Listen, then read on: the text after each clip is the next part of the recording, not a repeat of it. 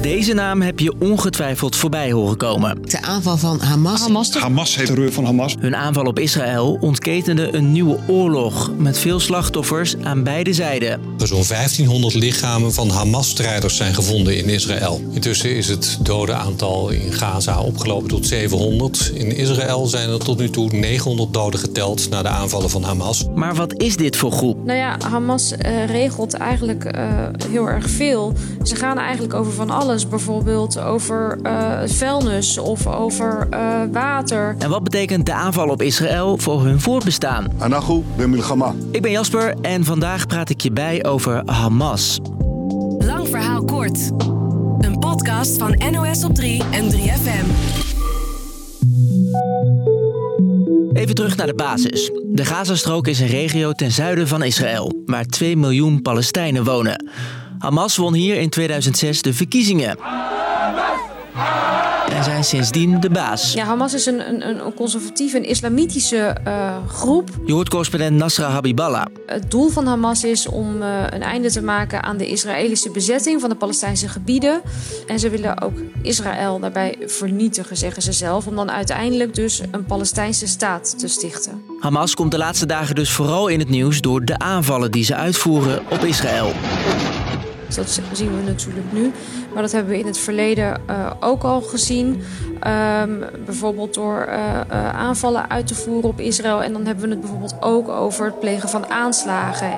Zelf zien ze dat anders. Zij zien zichzelf als vrijheidsbeweging die opkomt voor de Palestijnse bevolking. Naast die militaire kant is er ook de bestuurlijke tak van Hamas. Nou ja, Hamas uh, regelt eigenlijk heel erg veel. Zij besturen de Gazastrook. Um, dus ja, ze gaan eigenlijk over van alles. Bijvoorbeeld over uh, vuilnis of over uh, water. Je hoort correspondent Nasra weer. En ze hebben ook gewoon eigen ministers en eigen ministeries. Bijvoorbeeld het ministerie van Gezondheid, het ministerie van Onderwijs. Um, dus ja, zij zijn eigenlijk gewoon verantwoordelijk in die zin voor het rijden en zeilen in de Gazastrook. Een deel van het Westen beschouwt Hamas als een terreurgroep, mede door het geweld dat ze gebruiken. Maar dat betekent niet dat je ze zomaar kan vergelijken met IS bijvoorbeeld. Dat zegt Midden-Oostenkenner Leo Kwarte. Als je die beelden ziet van het muziekfestival waar Hamas-strijders zonder meer burgers neerschieten, dat komt volledig overeen met de beelden van IS. Voor de rest gaat de hele vergelijking mank natuurlijk. Want, zegt Leo, Hamas is in principe een politieke partij. Hamas heeft meegedaan aan democratische verkiezingen. Hamas praat met staten zoals Qatar en Egypte, onderhandelt met Israël niet direct, maar indirect. Dat soort dingen deed uh, IS helemaal niet. Wel is het zo dat nadat Hamas de macht greep, er in Gaza geen verkiezingen meer zijn geweest. Dus hoeveel steun er in Gaza voor hun is, dat is onduidelijk. Ja, het punt is een beetje dat mensen die Hamas niet steunen, um, zich daar niet altijd over uit durven te spreken. Dus die zullen dat ook niet zo snel zeggen. En nu is er dus die aanval op Israël. Zorgde bij veel mensen in Gaza voor een dubbel gevoel. Veel mensen leven in armoede. Het is heel erg uitzichtloos. Dus toen dit gebeurde hadden veel mensen zoiets van... ja, uh, Hamas doet tenminste iets. Aan de andere kant waren mensen ook bang. Wat je ook zag, dat mensen eigenlijk na die uh, aanvallen van Hamas... Uh, eten gingen inslaan, water gingen inslaan... omdat ze wisten dat ze op een oorlog konden rekenen. Die oorlog is er nu. En de Israëlische premier zei dat hij Hamas compleet zal vernietigen. Israël heeft in ieder geval nu de Gazastrook vrijwel helemaal afgesloten van de buitenwereld. Elektriciteit, water wordt afgesloten, voedsel mag niet meer naar binnen. En ja, langzaam maar zeker raakt het allemaal op. Wat het leven daar nog moeilijker maakt.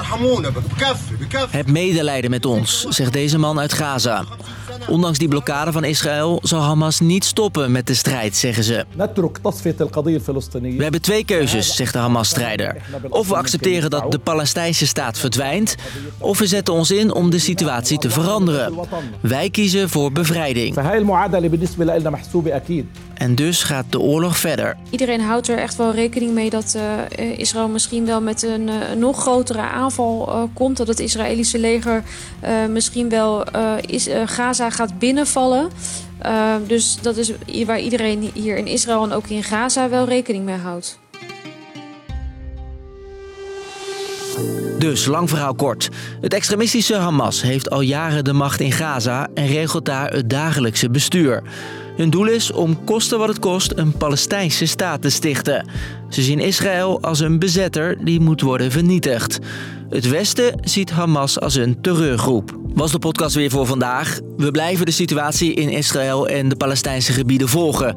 En maken er ook nieuwe afleveringen over. Wil je die horen? Zorg dan dat je geabonneerd bent op de podcast. Bedankt voor het luisteren. Doei!